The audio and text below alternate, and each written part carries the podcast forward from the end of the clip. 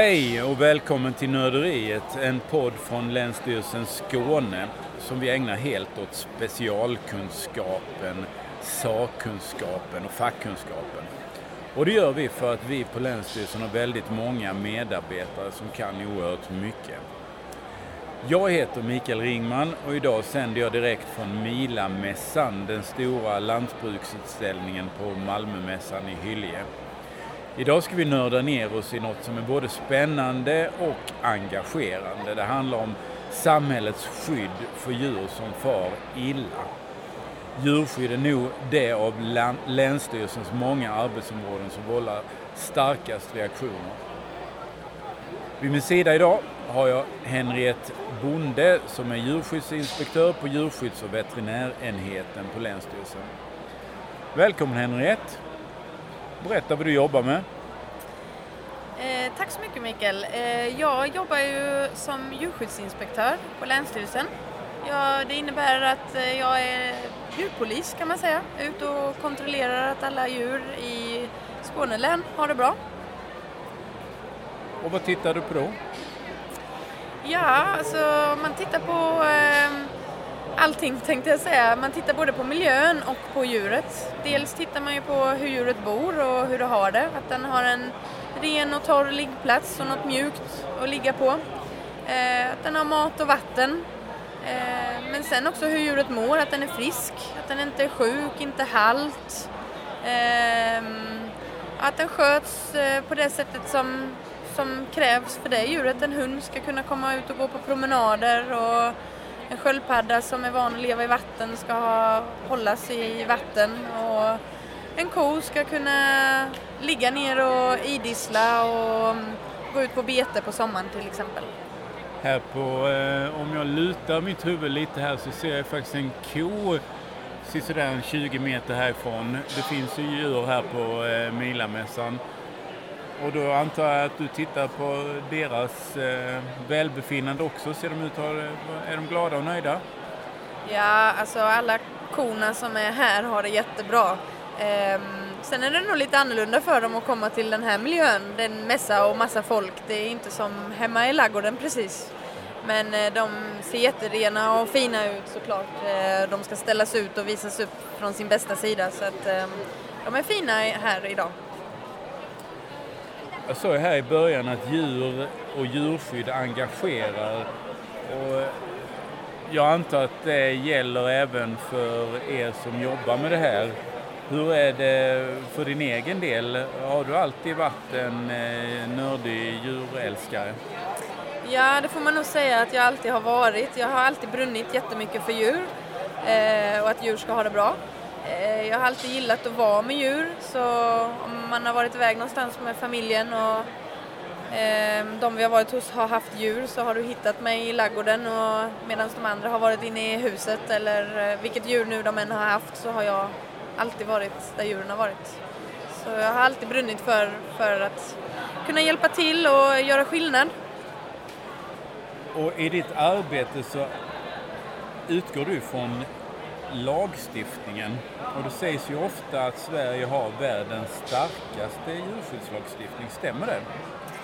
Ja, men det skulle jag vilja säga att vi har i alla fall en av de starkaste djurskyddslagstiftningarna i Sverige om man jämför med många andra länder. Och många andra länder har ju faktiskt inte ens en djurskyddslagstiftning. Ehm, så det tycker jag vi ska vara väldigt stolta över att vi har. Och jag tänker att man kan anta att människor i alla tider har brytt sig om djur. Men när fick djuren egentligen rättigheter? Ja, alltså i Sverige så började det så sent som på eh, mitten på 1800-talet. Ehm, det började egentligen med en, eh, det var en eh, lantbrukare, en bonde som slog sin häst så att den började blöda och då var det många folk runt omkring som eh, inte tyckte att detta var rätt och eh, man införde då en eh, djurskyddsförordning där det blev straffbart att slå sina egna eller andra djur. Men den första djurskyddslagen kom inte förrän 1945. Och jag har förstått då att den moderna djurskyddslagen har en eh, speciell eh, tillkomst. Det är kanske den enda svenska lagen som levererades som en present. Berätta hur det gick till. Ja, men det stämmer. Ehm, eh, lite senare då, så 1988, så kom då den som vi kallar nu då moderna djurskyddslagen och ehm, den som gäller än idag. Och den levererades som en present till Astrid Lindgren. Ehm, hon var väldigt engagerad i djur och eh, pratade mycket för djurens bästa. Och därför så fick hon detta som sin födelsedagspresent eh, av eh, dåvarande statsminister Ingvar Carlsson. Och när, jag tror hon fick det när hon fyllde 80 och eh, enligt den här lagen så skulle då det bli väldigt uppmärksammat att hönsburen skulle förbjudas men idag finns det ju ändå burar inom hönsnäringen. Hur kommer det sig?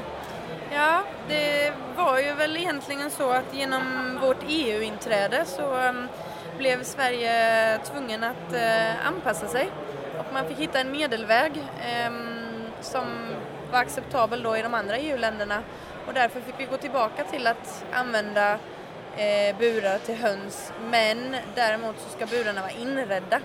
De ska ha en sittpinne och de ska ha ett sambad.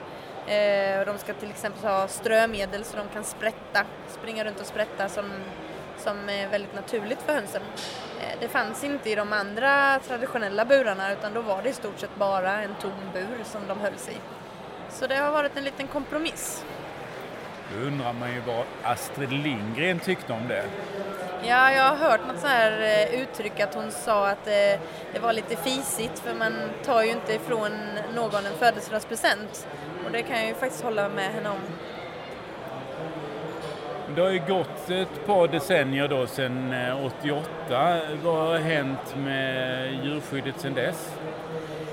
Um, ja, sedan dess har vi ju fått en hel del föreskrifter som är då mer en detaljstyrd lagstiftning um, där man går in och reglerar varje djurslag i sig vad som krävs för det djurslaget. Och där har vi i Sverige fått uh, då nationella föreskrifter som gäller katt och hund och akvariefiskar, hamstrar, alltså alla djur i fångenskap helt enkelt.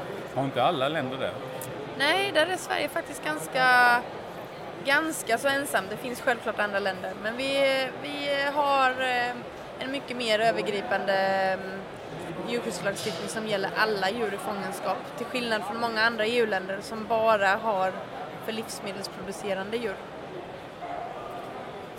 Sedan 2009 är det Länsstyrelsen som hanterar djurskyddet. Tidigare var det kommunerna du som djurskyddsinspektör kontrollerar både lantbruksdjur som vi har här på Milamässan och eh, sällskapsdjur. Dels handlar det om normal, normala kontroller som ni tar initiativ till själva men ni får också in anmälningar om vanvårdade djur. Hur många ärenden hanterar ni på ett år? Alltså vi hanterar ungefär runt 3200 någonting sånt där ärenden per år. Och av dem så är ju 2700 eh, anmälningar som eh, kommer in till oss. Vad är skillnaden på en kontroll som ni tar initiativ till själva och en anmälningskontroll? Alltså anmälningskontrollen är ju det att någon har eh, ringt eller skrivit in till oss och anmält att ett djur far illa. Medan de här normala kontrollerna, rutinkontrollerna, där är det vi som gör ett slumpmässigt urval eh, på eh, framförallt livsmedelsproducerande djur. Eh, precis som man besiktigar sin bil så ska ens djurverksamhet besiktigas eh, regelbundet. Så det är i stort sett samma sak. Då när du åker ut, vi var ju lite grann inne på det här i början, då tittar du på vissa saker. Då du tittar på djurets tillstånd och djurets miljö. Alltså om man tittar på miljön, vad är det som krävs av eh, ja. för att man ska sköta sitt djur på ett bra sätt? Ja, om man till exempel tar kor då som vi ser gå här ja. eh, borta. Så eh, en viktig sak för kor är att de kan ligga ner. För att kor är idisslare. De måste idissla eh, för att kunna tillgodose sig maten som de äter. Eh, idissla innebär egentligen att de tuggar sin mat och sen åker den ner i förmagen och sen så kommer den tillbaka upp och så tuggar man den lite till eh, och sen håller den processen på ett tag så att man verkligen bryter ner eh, höet till exempel i så mycket näring som möjligt. Och den här processen idisslandet kräver faktiskt att kon ligger ner. Hon kan inte idissla om hon står upp. Så en viktig sak man tittar på i ett kostall till exempel är att korna faktiskt kan ligga ner. För om de inte kan det så kan det ju rent krasst bli så att de inte kan tillgodose sig näringen och kan svälta ihjäl helt enkelt. Om vi då tar eh, de djur som eh, vi lever närmast, hund och katt. Vad gäller för deras miljö? Hur ska jag sköta min hund där hemma? Vad, vad, ställer du för krav på miljön? Ja, alltså när man, när man kommer ut och tittar på eh, en hund till exempel så tittar man ju då på miljön, att den har någonstans att ligga där det är rent och torrt och att den får mat och vatten. Vi, eh, man tittar på att den har ett bra hull, alltså att den är inte för tjock eller inte för smal. Eh, titta på öronen, har den någon inflammationer i öronen? Hur ser den ut? Luktar den bra i munnen? En hund som luktar illa i munnen kan indikera på att den har till exempel tandsten. Eh, och då behöver den komma till veterinären och få ta bort den här tandstenen.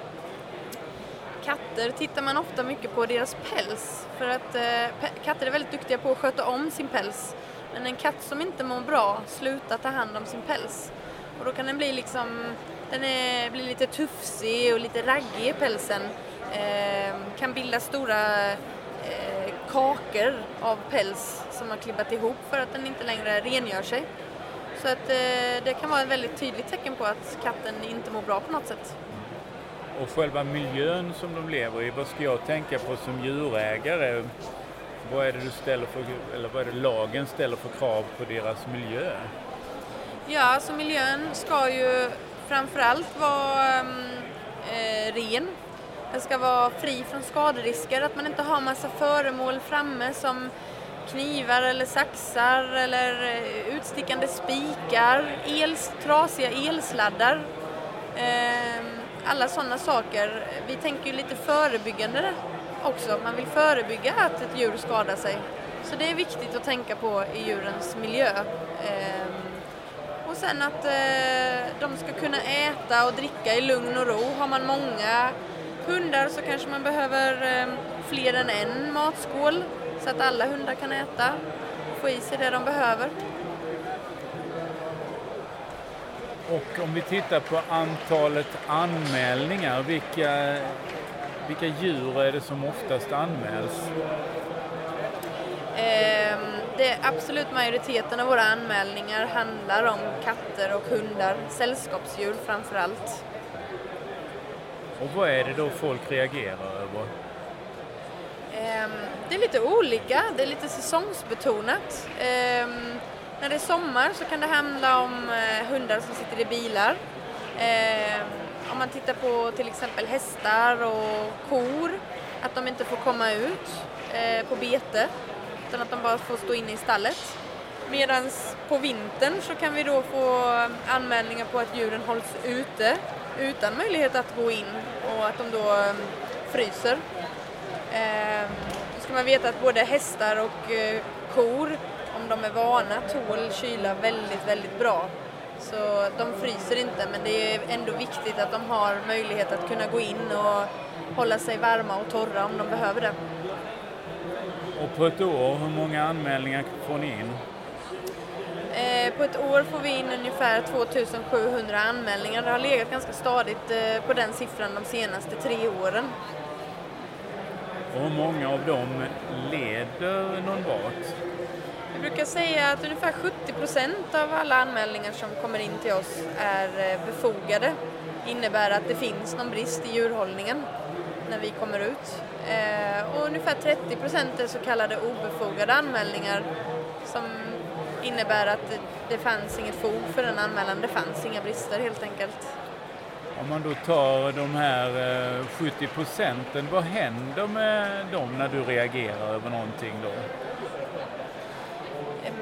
Det är väl lite olika men de flesta säger man till att de behöver ordna det här och det här för att de ska uppfylla kraven som finns. Och sen kommer vi tillbaka på ett återbesök och då har de flesta fixat det. Men en del gör inte det och då kan det bli aktuellt att man skriver ett så kallat föreläggande som är ett juridiskt bindande beslut där vi eh, i stort sett eh, tvingar djurägaren att eh, vidta åtgärder inom en viss tidsram. Och har man inte gjort det och vi kommer tillbaka eh, då kan en sista utväg, eh, den sista utvägen bli eh, ett omhändertagande. Och hur ofta förekommer det? Omhändertagande eh, förekommer relativt lite men eh, vi brukar ha ungefär 110 ärenden per år som leder till omhändertagande. Av 2700 anmälningar alltså? Ja. Då är det ganska ovanligt alltså. Eh, men eh, vi har ju det här med djurförbud också när, eh, när, för, när blir det aktuellt med djurförbud? Eh, djurförbud är ju också en sista åtgärd. Eh, man prövas för djurförbud om man grovt har misskött sitt djur på något sätt. Man kanske har blivit dömd för djurplågeri till och med. Eller om man vid upprepade tillfällen, vi har varit ute hos eh, den här djurägaren många gånger de har fått möjlighet att åtgärda bristerna men, men gör det inte. Eh, och då är, kan man anses vara olämplig att hålla djur eh, och då kan man få ett djurförbud. Du sa ju att 30 procent av anmälningarna inte leder till någonting, att de är obefogade eller rent av då onödiga. Eh, Betyder det att du tycker att eh, vi som är här ska vara mer restriktiva när vi ser ett djur som vi då tror inte har det bra? Alltså jag tycker det är jättebra att man anmäler om man ser ett djur far illa. Därför vi, vi har inte möjlighet att vara överallt. Så vi behöver eh, allmänhetens ögon eh, som hjälp. Däremot så ska man ehm, fundera eh, innan man anmäler. Man kan till exempel eh, fråga den som har djuret om man till exempel ser en halt ko som går i en hage så kan man försöka fråga den djurägaren om de har uppmärksammat detta. För i många fall har de det. Det kanske handlar om att veterinären inte har hunnit ut eh, eller att faktiskt kon är under behandling. Och då är det ju bättre att man frågar djurägaren först än att vi ska behöva åka ut akut på detta och så är det ingenting. Eh, för vi vill ju verkligen vara där vi behövs. Ehm, men eh, det är jättebra att man eh, när man ser någonting signalerar det till oss. Jag funderar på det här med djur, alltså och eh, djur som man håller hemma. Har det på något sätt förändrats under senare år? Är det så att alltså, vi reser ju mer. Är det så att eh, vi skaffar annorlunda, har vi, är det en annan djurhållning eh, hemma? Får ni se mer eh, reptiler och ormar och konstiga djur? Um, ja, både ja och nej. Det är väl inte jättevanligt men det händer ju faktiskt. Vi hade ju ett ärende här för inte så länge sedan där vi hittade en krokodil i ett växthus. Um, den här krokodilen som eh, döptes till Kai, som sen märktes att det var en Kajsa, ja. eh, bor, eh, blev omhändertagen därför eh, hon bodde i det här växthuset som var alldeles för kallt mitt i vintern för en krokodil. Det kan ju verka lite konstigt att ha en krokodil i ett växthus i ett vanligt bostadsområde. Ehm, och det har nog, eh, hon har nog kommit dit Eh, på grund av att det har varit lite lättare att ta in djur eh, än vad det har varit förut. Men Kajsa bor idag i eh, England faktiskt, på en eh, krokodilfarm. Men det betyder att du, eh, du ska liksom kunna både katt, hund och krokodil helt enkelt som djurskyddsinspektör? Ja, man måste ha en väldigt bred kunskap. Eh, för vi hanterar ju alla olika djurslag Eh, så det kan ju vara allt från en akvariefisk till eh, en gris. Ehm, så vi, eh, vi har en väldigt bred kompetens. Sen finns det ju vissa av oss som har en mer spetskompetens inom ett visst djurslag som är mycket bättre på det. Ehm, men alla måste ju ha en, en baskunskap på alla djurslag. Jag tänker på sådana här, du nämner akvariefisk och så finns det ju hamstrar och marsvin och sånt. Det är ofta de djuren man börjar med. Eh, finns det något särskilt som man ska tänka på där, alltså när det gäller barn och djurhållning och så? Ja, alltså det är ju precis som du säger, det är ofta ett första djur. Och en sak som jag tycker man ska tänka på det är ju eh, hur länge lever det här djuret? För att eh, ofta tänker man ju att barn tycker det är roligt kanske första året men kaninen blir kanske tre, fyra år. Så det är ett ansvar man har under, under många år. Och sen att man kanske läser på lite vad gäller, vad, vad, vad gäller för det här djuret. Hur behöver jag hålla det här djuret för att um, det ska må bra? Vad har den för behov? Um, till exempel marsvin uh, kan inte själva producera C-vitamin. Det är väldigt viktigt att man tillför C-vitamin i marsvinets eh, foder. Eh, vissa av de här eh, färdiga foderna som är speciellt till marsvin har C-vitamin i sig. Men man kanske köper något som är för kanin och då finns inte C-vitamin.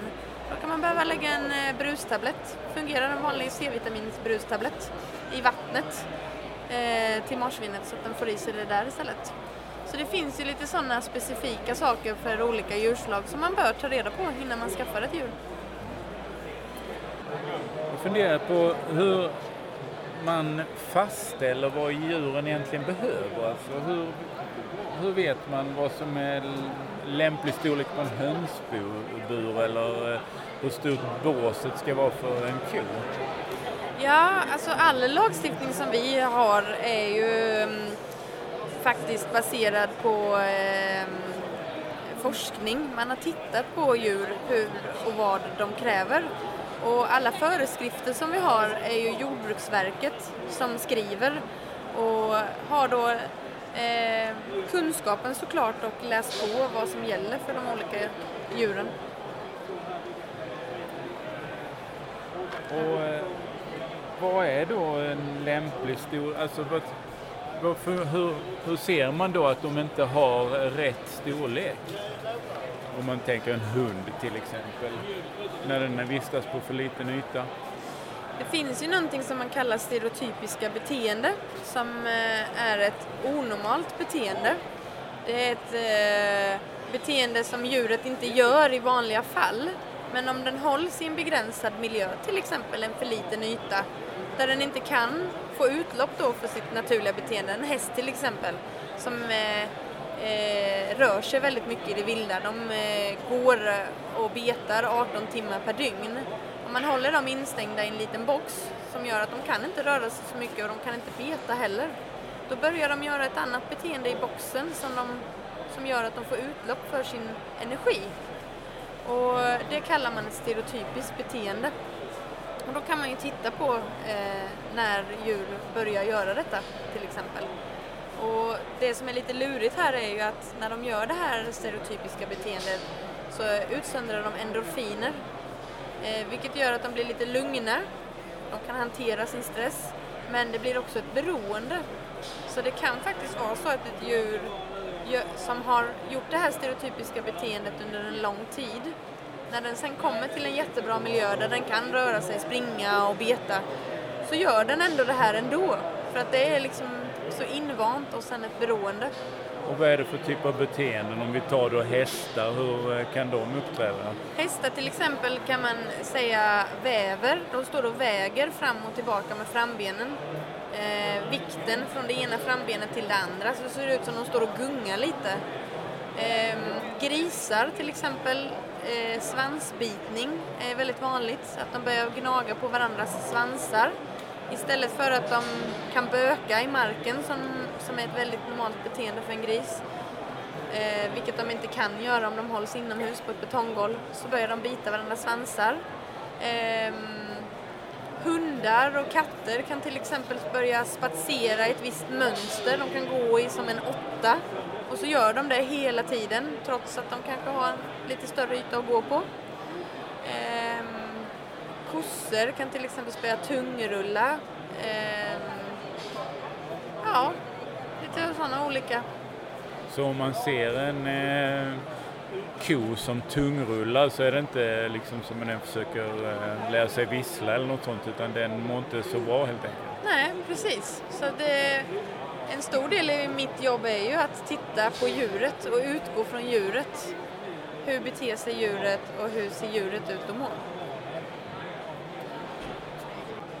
Eh, jag tänker på en sån sak som djurförsök. Eh, kontrollerar ni det också? Eh, det måste ju vara lite speciellt i så fall alltså eftersom det då finns en, det ligger som en förutsättning att djuren ska testas för sjukdomar.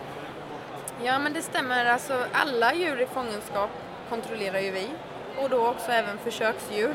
Och det, det lite speciella där är ju att eh, eh, man tillåter ju ett visst litet lidande för de här djuren. Eh, för att de ska ju utsättas kanske för en sjukdom som man sen då ska testa en medicin på. Eh, och då innebär det att jag kan inte eh, påpeka att det här djuret är sjukt, för det är ju syftet med det eh, och det är tillåtet enligt djurskyddslagstiftningen. Så man tittar mycket på miljön, hur de har det, men sen också så för att få göra ett djurförsök måste man ha ett etiskt godkännande. Det sitter en nämnd eh, som beslutar att det här försöket får göras och det här, beslutet får in, det här försöket får inte göras. Och har man då fått det här godkännandet så är det min uppgift att kontrollera att man håller sig till det här godkännandet. Att man använder de metoderna som man har sagt att man ska göra eh, och att man håller djuren på det sättet som man har sagt att man ska göra. Ni gjorde väl ett projekt här om året där ni var ute och tittade på just eh, djur, eh, djurförsöksdjur Ja, vi har faktiskt ett krav på oss eh, att vi ska titta på försöksdjur. Eh, en, eh, varje anläggning ska få en kontroll var tredje år. Så var tredje år så ska ju, eh, djuren kontrolleras, försöksdjuren kontrolleras. Och hur är tillståndet där? Alltså, jag måste säga att eh, jag tycker att ehm, de eh, försöksdjursanläggningarna som vi har i Skåne som vi har kontrollerat har skött sig väldigt bra. Eh, de håller sig till de eh, djurskyddskraven som finns. Sen är det ju alltid en etisk diskussion med om man tycker det är okej okay med försöksdjur eller inte. Men det finns en lagstiftning och den återspeglar vad allmänheten tycker eh, och vad miniminivån ska vara för att vi ska kunna acceptera detta. Så det är utifrån det vi bedömer Människor är lika inför lagen, men eh, är djur det undrar jag? Alltså en akvariefisks liv lika mycket värd som en hamster, så hur ser man på en bondkatt och en utställningskatt? Ja, eh, det är faktiskt en intressant fråga. Det är både ja, både ja, både och skulle jag vilja säga. Ja. Ehm, eh, djurskyddslagen är ju på individnivå så att varje individ är lika viktig Eh, det spelar ingen roll om man är utställningskatt eller om man är en bondkatt. Det ställs samma krav. Men däremot så ser man en liten skillnad om man tittar på djurskyddslagstiftningen som gäller för hund och katt till exempel och våra produktionsdjur, livsmedelsproducerande djur. Eh, där man kanske har en lite lägre ribba vad man accepterar för våra livsmedelsproducerande djur. Eh, om man tittar till exempel på grisar som är egentligen mycket mer intelligenta än vad en hund är så är ju toleransnivån utifrån djurets behov lägre på hur vi får hålla en gris enligt lagen jämfört med en hund. En gris till exempel får man hålla på en ganska begränsad yta eh, på ett betonggolv där den inte kan böka till exempel som är ett av de mest naturliga beteenden för en gris. Medan hunden ska ligga hemma i soffan och eh, komma ut på promenader regelbundet och inte lämnas ensam för långa stunder och ha social kontakt och så vidare. Så där har ju djurskyddslagstiftningen gjort lite skillnad på olika djurslag. Om man tar sådana här, eh, jag vet ibland så får du ju uppmärksamhet eh, till exempel med akvariefiskar, alltså eh, det var någon, någon fisk som skulle någon fotbollsspelare som hade en fisk som de skulle spela, spola ner i toaletten sådär när, de hade, när VM för damer var över och sådär. Men eh, vad gäller för dem? Alltså har, eh, har fiskar eh, känslor? Ja, man har faktiskt eh, Känslor är svårt att säga. Men, men har de rättigheter? Ja, de har rättigheter, absolut. Och man har faktiskt också påvisat att fiskar kan känna smärta. Eh, genom, olika genom olika forskning så har man kunnat påvisa det. Och så länge du håller en fisk i fångenskap så, så omfattas den av djurskyddslagen. Och det finns också specifika krav i en föreskrift som säger hur stor akvariet ska vara och hur det ska vara inrätt beroende på vilken fisk man har. Eh, jag hade faktiskt ett intressant, eller ett lite annorlunda ärende eh, gällande fiskar som hölls på en nattklubb eh, som vi fick in en anmälan på. Och där kunde vi då också påvisa att ljudvolymen i akvariet under den tiden nattklubben var igång blev ju väldigt hög. Och eh, det finns en begränsning på hur hög ljudvolymen får vara i ett djurutrymme. Och det kunde de inte uppfylla och därför fick man ta bort eh, det här akvariet från eh, nattklubben. Fiskar är också väldigt känsliga mot ljus, ljusförändringar. Så blinkande ljus och sådana saker kan vara väldigt stressande har man också kunnat se på fiskar. Så av den anledningen är det inte heller lämpligt att hålla fiskakvarier i en nattklubbsmiljö. Intressant. Henriette, det har varit jättespännande att tala djurskydd med dig. Eh, jag hoppas att ni som lyssnar tycker detsamma. Vi återkommer om sisådär en månad med en ny podd med en annan nördig medarbetare från Länsstyrelsen Skåne. Tack för idag Henriette. Tack.